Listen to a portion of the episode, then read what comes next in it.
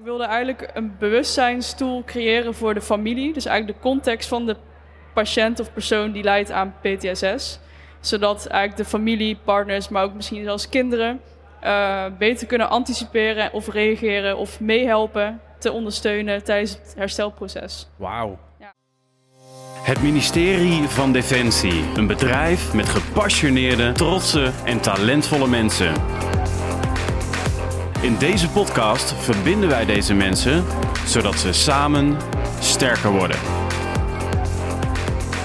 Zoek Samen Sterker podcast en luister of kijk via YouTube, Gpal, iTunes, Spotify of Soundcloud. Ja, we zitten nog steeds op de Invictus Games hier. En uh, we zitten nu op dit moment in mijn huiskamer.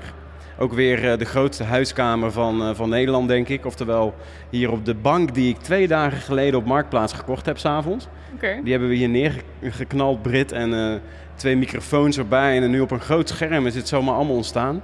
maar het gaat helemaal niet over mij. Het gaat om jou. Wij ontmoeten elkaar gisteren. Tijdens de lunch. Tijdens de lunch. Ja. En toen vertelde je mij als 21-jarige. Ja, klopt. Um, een heel inspirerend verhaal. En daar wil ik het met jou over gaan hebben. Ik ben al genoeg aan het woord geweest. Met wie heb ik het genoegen? Ja, ik ben Brit. Ik uh, ben 21. Ik uh, kom uit Eindhoven. Studeer Design for Interaction aan TU Delft. En naast mijn studie werk ik als militair werkstudent bij Defensie College voor de Landmacht militair werkstudent. Toen ik Ja. ongeveer 16 jaar geleden bij Defensie kwam werken als stoere infanterist, had ik hier nog nooit van gehoord. Dus mensen die, hoe word je een militair werkstudent? Leg dat eens uit. Volgens mij, dit traject bestaat ook pas sinds 4, 5 jaar, zoiets. Als ik het even nou goed heb. Mhm. Ja, hoe, hoe word je het? Ehm, je kunt je in principe gewoon aanmelden via werken bij Defensie en dan slash Defensie College. Mhm. Ehm, en dan ga je gewoon een heel sollicitatietraject in. Dus je, krijgt, je stuurt je motivatie op plus cv. Ehm, je krijgt een sollicitatiegesprek met... eh, ik had een psycholoog en gewoon een werknemer van Defensie College voor mij. Dan ga je gewoon een gesprek aan over wat eigenlijk mijn visie was... en waarom ik dit wilde en wat mijn eh, ja, sterkte en, en slechte punten waren eigenlijk. Gewoon een normaal gesprek. En ehm, ja, als je daar doorheen komt, dan ga je nog de militaire keuring in. Dus ga je de sporten, medische keuring, psychologische keuring. De honderd vragenlijsten die je van tevoren moet invullen. En als je dat ook allemaal goed afrondt, dan ben je eigenlijk aangenomen. Wat gaaf joh. Ja, Heel stoer. Hey, en ik zie trouwens eh, in de verte zie ik een eh, orkest binnenkomen. Dus eh, nou, de duimpjes gaan al omhoog. Hè? Terwijl we hier in een podcast zitten, gebeurt er van alles. Maar je bent dus nu militair en werkstudent. Ja, Dat betekent dat, dat jij jouw studie al afgerond hebt? Of studeer je nog terwijl je dan ook... Is het werken leren, wat we vroeger volgens mij bol en zo noemden? Ehm, nee, dit is echt wel wat anders. Dit is echt naast je studie. Maar eh, de voorwaarde is wel dat jij nog studeert wanneer jij Defensie College student eh, gaat zijn. ja. Dus ik ben nou ook gewoon bezig met mijn master. Langs eh, dat ik twee dagen per week ongeveer werk voor de krijgsmacht. Gaaf joh. Ja. En nogmaals jouw studie. Wa- wa- Wat studeer je? En vertel daar eens over. ja, Design for Interaction is een master aan de TU Delft. Design for Interaction. ja, Dus Oké, het ging even heel snel. Oké, yes? ja, klopt. En ehm, dat is eigenlijk een specialisatie meer op, vanuit industrial design. Dus dat is meer het algemene ervan. En eh, hoe ik het altijd probeer te omschrijven, want het is echt heel breed. Eh, maar hoe ik het wil beschrijven is altijd eh, dat jij de schakel bent tussen mens en machine. En de daarbij horende expertises van andere mensen. Dus je bent altijd degene die alle facetten van een project bij elkaar koppelt. Ja. En daarmee ook een mooi concept creëert. Ik moet dan altijd aan die film denken van vroeger. Eh, mijn vroeger. Ja. Eh, aan eh, Terminator. ja. En dan ga ik gelijk de vraag stellen: gaan de machines ons overnemen, Brit? Gaat het gebeuren of niet? Ah, we zijn wel heel veel bezig met automatisatie en artificial intelligence, machine learning. Ja. En ik geloof wel dat dat echt de toekomst gaat zijn. Ehm, ik ben wel ook van mening dat de mens altijd de verantwoording gaat houden. Omdat de mens dat ook gewoon fijn vindt. Dus we hoeven niet bang te zijn dat de Terminators de komende decennia ons komen overnemen. Nee, ik denk het niet. hey, en even terug. Eh, eh, we zaten lekker te lunchen en jij vertelde een heel inspirerend verhaal. En ik dacht bij mezelf, waarom weet ik dit niet? Waarom weet de wereld dit niet? ja. Ehm, kun je daar eens over vertellen? Wat, wat, wat, wat heb jij bedacht?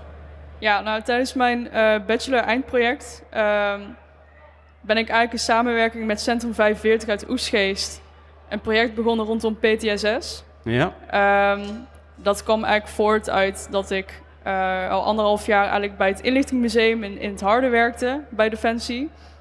En mijn interesse altijd al in psychologie lager. Gewoon mijn eigen interesse. Uh, dus toen kwam ik daar mee omdat ik heel veel verhalen van militairen hoorde. En wat heb ik toen bedacht? Ik wilde eigenlijk een bewustzijnstoel creëren voor de familie. Dus eigenlijk de context van de patiënt of persoon die lijdt aan PTSS. Zodat eigenlijk de familie, partners, maar ook misschien zelfs kinderen uh, beter kunnen anticiperen of reageren of meehelpen te ondersteunen tijdens het herstelproces. Wauw. Ja. ja, nogmaals wauw. Ik heb gisteren drie keer wauw geroepen volgens mij. Uh, en ik had alleen nog maar aandacht voor jouw verhaal, geloof ik. Mm. En terecht, want uh, wat ik gezien heb, hè, ook als uh, veteraan, is dat er vaak gekeken wordt natuurlijk naar de persoon in kwestie die bepaalde klachten heeft. En dat de context, dat er wel familie daar weinig in betrokken wordt. Hoe Ja. kom je, eh, niet denigrerend bedoeld, maar hoe kom je als 21-jarige erbij om ineens aandacht te gaan besteden aan de context van de militair? Ja, ik denk dat het een beetje onbewust misschien de dingen zijn geweest die ik hoorde van eh, militairen in mijn omgeving op dat moment. Ik hoorde gewoon heel vaak dat het thuisfront gewoon, ook al zou ze het heel graag willen, het gewoon niet begrepen wat, ze hadden, wat de persoon op uitzending had meegemaakt. Ehm, en eh, daar begon het eigenlijk al misschien een beetje mee. Maar toen ik ook de psychiaters ging spreken in Oesgeest, eh, heb ik ook gewoon heel duidelijk de vraag gesteld van hoe ver wordt de familie gelijk al betrokken? Ja. Want ik weet vanuit die briefinggesprekken, vanuit je uitzending, als je terugkomt, dat de partner er meestal wel bij is. Maar daarna hoorde ik er nooit meer wat van. En zij zeiden ook dat het heel verschilt, maar dat het ook eh, heel vaak individueel is. Maar toen dacht ik ook van ja, maar dan is de familie in het herstelproces ook niet compleet aanwezig tijdens de therapieën. Ja. Maar en dan de effecten heb je wel thuis. En dat vond ik eh, een mismatch. Want noem eens wat effecten. Ja, de stress, de angstaanvallen, eh, natuurlijk de depressie, eh woedeaanvallen. Ehm, tijdens een therapie wordt er wel aandacht aan besteed, maar je bent natuurlijk de grootste tijd van het hersteltraject gewoon thuis. En wanneer jij misschien als partner niet meegenomen wordt in heel dit traject, kan ik mij heel goed inbeelden dat je gewoon totaal geen idee hebt hoe dit zich dan uiteindelijk gaat, compleet gaat uiten. Ja. Ja, je kunt er natuurlijk altijd over praten, maar in, in realiteit is praten natuurlijk altijd anders dan hoe je je echt voelt en wat er gebeurt. ja. Dus ja, dat was eigenlijk een beetje mijn, eh, mijn voorgevoel. Waar haal jij deze wijsheid vandaan? Heb jij een militaire familie? Heb jij... Ik bedoel, je praat als een psycholoog. Ja, nee, ik heb totaal geen mi- militaire familie.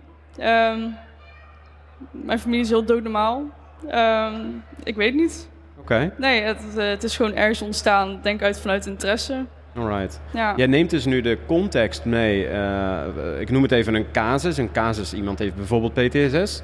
Eh, jij bedacht, het is wel heel erg handig om dan ook de familie daarin mee te nemen. En daar heb jij een onwijs vette tool voor bedacht. Ehm, kun je daar eens over vertellen? Ja, de tool die ik heb bedacht is eigenlijk een beetje een soort van semi-geautomatiseerd systeem. En dat houdt in dat eh, het product zelf, de, de bewustzijnstoel in huis, eh, reageert op de reacties van de patiënt zelf. En eh, hoe ik dat heb bedacht is eigenlijk dat de patiënt een soort van smart device draagt, eigenlijk een smartwatch, waaruit dus biofeedback gehaald wordt. Dus dat is eigenlijk hartslag, temperatuur, zweet, Ehm hartslagvariatie ook heel erg.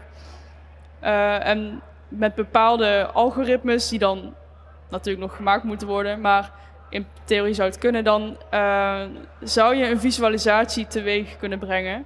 En ik had dat bedacht door een balans, Eh, maar dit zou in de toekomst echt alles kunnen zijn. Ja. Dat, dat, eh, dit stond nog natuurlijk heel erg in de kinderschoenen. Maar het zou van een, een tool in huis tot een, tot een armband tot een wereldwijde visualisatie kunnen zijn. Ja, het, het heeft nog geen grenzen. En nu heb jij hiervoor gestudeerd, hè? jij bent hartstikke slim. Dus help nou eens alle leken zoals mij Ja. om dit te begrijpen. Hè? Dus, de- dus wat kunnen we met hartslag, wat kunnen we met zweet, wat kunnen we met al die devices die we tegenwoordig om onze armen en overal hebben, eh, wat kunnen we daaruit eh, destilleren? Ja, ehm, natuurlijk tijdens eh, bijvoorbeeld stressaanvallen, angstaanvallen, ehm, maar ook zelfs depressies altijd meetbaar in het lichaam. Eh, hormonen hebben meestal het effect ook op hartslag, maar ook de temperatuurverschillen. Bij, als je woedend wordt, word je vaak ook nou ja, wit heet noemen ze dat natuurlijk. Dan word je warm. Het zit vaak Ehm, al in de spreekwoorden. Hè? Ja, het, het zit er al in de spreekwoorden. Wij gebruiken heel veel metaforen in, in onze studie. Dat heb ik hier toen ook gebruikt. Maar ehm, ja, uiteindelijk alles wat jou, in jouw lichaam gebeurt, uit zich ook op een manier. En dat neem je dus met zo'n eh, apparaat, kun je dat waarnemen. Ja. Ehm, nou, die stukjes data, die kun je uiteindelijk gewoon bij elkaar puzzelen. eh, op de juiste manier. En eh, als je dat eigenlijk gedaan hebt, dan kun je er heel makkelijk gewoon eh, iets anders van maken. Iets wat, wat dan de context, zeg maar, teruggeeft. En dan zie ik, hè, dat is misschien iets te simpel gezegd, dan zie ik de partner, de vrouw of de man, die zie ik met een iPad of een ander device thuis rondlopen. Eh, en die ziet dan allerlei grafieken, zo zie ik dat voor me. Ja. En dan weet hij of zij dus, ehm, misschien moet ik nu even niet die vraag gaan stellen. Misschien moet ik hem of haar nu even ruimte geven, zo stel ik me dat voor. Of, of misschien moeten we een rondje gaan wandelen nu, omdat, eh, omdat die levels te hoog zijn. Eh, moet ik het zo zien? Is dat wat je... Ehm, ja, dat, de tweede stap wel, van die, die projectie dan van jouw eigen gedrag naar de patiënt toe. Dus misschien moet ik even gaan wandelen, misschien heeft hij even rust nodig. Dat is dan de tweede stap. Ehm, die grafieken, ik wil het eigenlijk zelf makkelijker weergeven. Eh, grafieken zijn al heel vaak heel technisch en mensen voelen zich daar altijd geïntimideerd door. Ja. Ehm, dus ik wil het op een veel mooiere, creatieve, misschien zelfs artistieke manier ehm, uiten, zodat je het uiteindelijk zelfs misschien eh, toe kan eigenen. Ja. Ik heb ook een idee gehad eh, voor een interactief kunstwerk, dat je dan thuis ergens zou kunnen neerzetten of ophangen. En als dan eenmaal je traject af is, dan zou je het kunnen bewaren. Als een toch uiteindelijk een herinnering van wat je allemaal doorgemaakt hebt. Wauw, Ja, dus het, dat is gaaf. ja, dus eh, niet de grafieken, niet de technische aspecten, want dat is allemaal niet nodig. Het kan gewoon veel makkelijker. Jeetje zeg. Wat is dat gaaf. En ik zag weer natuurlijk een heel dashboard voor me. Ja. Zegt misschien wat over mij, hè. Maar dat is slim. Dus dan, nu vul ik hem een beetje in. Hè. Dus ik zie nu een soort schilderij voor me. Mhm. Eh, een, een schilderij met een bepaalde figuur. En die figuur die is blij. Of die figuur die is eh, angstig. Of die figuur is whatever. Ja. Is dat wat je dan voor je ziet? ja, dat zou je met figuur kunnen doen. Ik heb ook nog bedacht eh, ooit een keertje dat we wellicht ook een tijdlijn zou kunnen creëren. Ja. En dat de therapeut zelfs er een profijt aan kan hebben. Door die tijdlijn te kunnen volgen van waar je allemaal doorheen gaat. Dat zelfs Ja. de therapeut inzicht heeft in jou thuis. In zoverre jij dat als patiënt ook prettig vindt, zeg maar. Ja. Dus eh, ja, daarom het, het, eh, het is nog heel breed. Het kan echt alle kanten op. Eh, ik heb het gepresenteerd bij de opties aan de partners waar ik mee samenwerkte. Ja, die vonden het allebei wel heel fantastisch. Gaaf. Ja, Maar het ligt nu dus. Het zit in jouw hoofd. Ja. Het ligt op de plank bij jou thuis. klopt. Stof te vangen eigenlijk. Ja. Waarom doen we hier nog niks mee, Brit? ja, ik heb het toen gepresenteerd eh, aan Oesgeest en eh, aan mijn universiteit. Ja. Ja, daar ben ik mee geslaagd en dat ging allemaal goed. Ja, en dan heb je toch vaak eh, dat je toch weer de juiste connecties nodig hebt om, eh, om dit project verder te trekken. Wat heb je nodig? Ja, mensen die er geïnteresseerd in zijn. Die denken die- van, die- dit is maar handig. Die heb je al. Huh? Die heb je al. Ja, nou ja, Ja, precies. ik, heb, ik heb niet over geld en zo, maar in ieder geval wel een podcast. Dus, dat, dus Ja. misschien dat de mensen... Ik vind het geweldig zeg. Ja, nou, misschien dat er iemand denkt van, eh, hier wil ik wel een project van maken. Dat zou Ja. natuurlijk super tof zijn. En als dan ook uiteindelijk super goed bijdraagt aan een herstelproces, dan ben ik eh, super tevreden. Dan Ja, niks moois kan er zijn. Nou, ik zou nu al bijna aandelen Ja. kopen. Nee, nee, het gaat me niet om die aandelen natuurlijk. Maar wat geweldig zeg. Hey, en, en, en, en, en ik had net een vraag, nu ben ik hem kwijt. Ehm, ehm, ehm, oh ja. Volgens mij kan dat gewoon morgen gerealiseerd worden. Want volgens mij hebben we tegenwoordig allerlei devices die dit kunnen meten, toch? Of moeten we hier een heel nieuw device voor ontwikkelen? Nee, ik, ik heb ik, eigenlijk er juist op gefocust dat ik wel bestaande dingen gebruik. Eh, want ik hou er niet van om het wiel continu opnieuw uit te vinden. Dus ja, de smart devices zijn er in principe. Ehm, de software zou gemaakt moeten worden, maar daar hebben we natuurlijk hele slimme IT-slash-data specialisten voor, die ik eh, daarin vertrouw. En ja, de rest is onderzoek. Ja. R&D, zeg maar. Dus eh, dat, dat, dat moet dan zichzelf nog gaan uiten. Maar eh, staat het nu volledig eventjes stil omdat je voor school dat project afgerond hebt? Of ben je nog wel met mensen in gesprek? Of denk je van, nou, nu jij mij daarover bevraagt en zo enthousiast wordt, dan moet ik het eigenlijk maar weer eens op gaan pakken. Waar sta jij? Eh, neem eens mee in jouw hoofd daarin. Ja, ik, ehm, omdat ik dus de connecties niet wist, Ja. Ehm, heb ik het op hold gezet, omdat ik toen dacht van oké, dan ga ik misschien eerst even bij Defensie College kijken. Of wat er misschien ooit, dat ik ooit iemand tegenkom. Ja.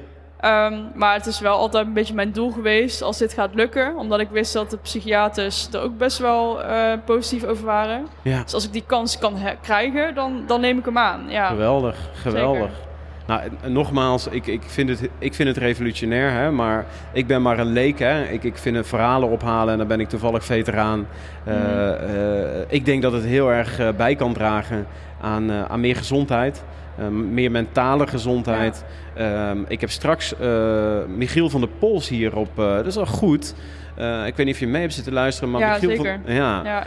eh, Michiel van der Pols, voor de mensen die deze podcast luisteren, is onderdeel van Basecamp. Mhm. Basecamp eh, is opgericht door Frits van de Heuvel van Varik, ehm, eh, lange naam. En Basecamp is eigenlijk voor militairen, politiemensen, mensen in hoge risicoberoepen. Ehm, ehm, eh, zij gaan door een traject heen, waar Michiel van der Pols ook onderdeel van is. Marcel Hof, broer van Wim Hof. En die hebben samen dus Basecamp om militairen, eh brandweerman, mensen eh, en politiemensen bijvoorbeeld terug te laten gaan naar hun eigen kern. Mhm. En wat ik begreep van Michiel van der Pols, dus, dus eh, stapje terug, luister de podcast van Michiel van der Pols en van Frits van den Heuvel van Varek over Basecamp, dan wordt dat vanzelf duidelijker. Maar wat Michiel dus zei, is dat veel PTSS, angststoornis, depressie gerelateerde Ja. problematiek vaak niet, dus ik kijk uit, hè, ik ben geen psycholoog, vaak niet alleen maar terug te relateren is aan ehm, eh, trauma's, bijvoorbeeld op uitzending of eh, op straat, maar dat dat ook 9 van de 10 keer te maken heeft met relatie. Met hoe sterk is jouw thuishaven? Ja. En wat jij nu zegt eigenlijk, en daarom vind ik die podcast ook zo leuk, want dan ontmoet ik Mhm. allemaal hele inspirerende mensen zoals jou, Britt. Ehm, dat wat jij nu hebt bedacht, draagt natuurlijk enorm bij aan die veilige thuishaven. ja, die thuishaven is echt, ik denk wel een van de belangrijkste aspecten die je tijdens therapie moet hebben. Daar wordt ook wel aandacht aan besteed natuurlijk. Ja, eh, met gesprekken van tevoren. Dus als je dat tijdens je proces nog kan verbeteren, dan is dat natuurlijk altijd gewoon een stuk beter. ja, Ehm, ik hoorde over, zijn, over eh, Michiels methode, eh, over die drie lijnen van eh, denken, voelen, weten. ja, Ja, dit sloeg ook echt precies terug op, op mijn concept. Want het is eigenlijk een soort van reflectie die je uitvoert ja, op gevoel tegenover wat er eigenlijk gebeurt en wat je weet, wat je denkt. Ehm, en ja, zo'n visualisatietool, zoals ik, zo'n bewustzijnstool de, waar ik het over had, dat is dat, dat stukje van ik zie nu wat ik eigenlijk zou moeten voelen. Dus je kunt het eigenlijk weer van weten omzetten. ja. Ja, dus dat is eigenlijk, ja, ik vond het heel mooi om te horen. Ik was wel geïnspireerd daardoor ook. ja Ja, te gek. ja. Ehm Britt, ik wil je onwijs bedanken eh, om hier in mijn huiskamer op de Invictus Games eh, Ja. jouw verhaal te vertellen. Ehm, ehm, eh, wat mij betreft, eh, eh, ik, ga je er, ik ga je een beetje helpen. Britt doet een oproep ja zeker. om haar project, hè, en wie dat dan ook gaat omarmen, eh, om daar kritisch naar te gaan kijken, om samen met jou hier een succes van te gaan maken. En dan wil ik met jou een deal maken. Ja, Als het over een paar jaar een succes is, en deze podcast die bestaat nog steeds, dan wil ik eigenlijk met jou in gesprek over de resultaten. Want ik, ik, ik, ik, ik weet gewoon zeker dat dit gaat slagen. En ik hoop in ieder geval dat jouw verhaal erin in deze podcast aan bij heeft eh, gedragen. ik, eh, ik neem die deal aan. Komt goed, ja zeker. Alright, geef ik jou een box. Yes, Dankjewel Britt. top. Ja, geen probleem. Joep.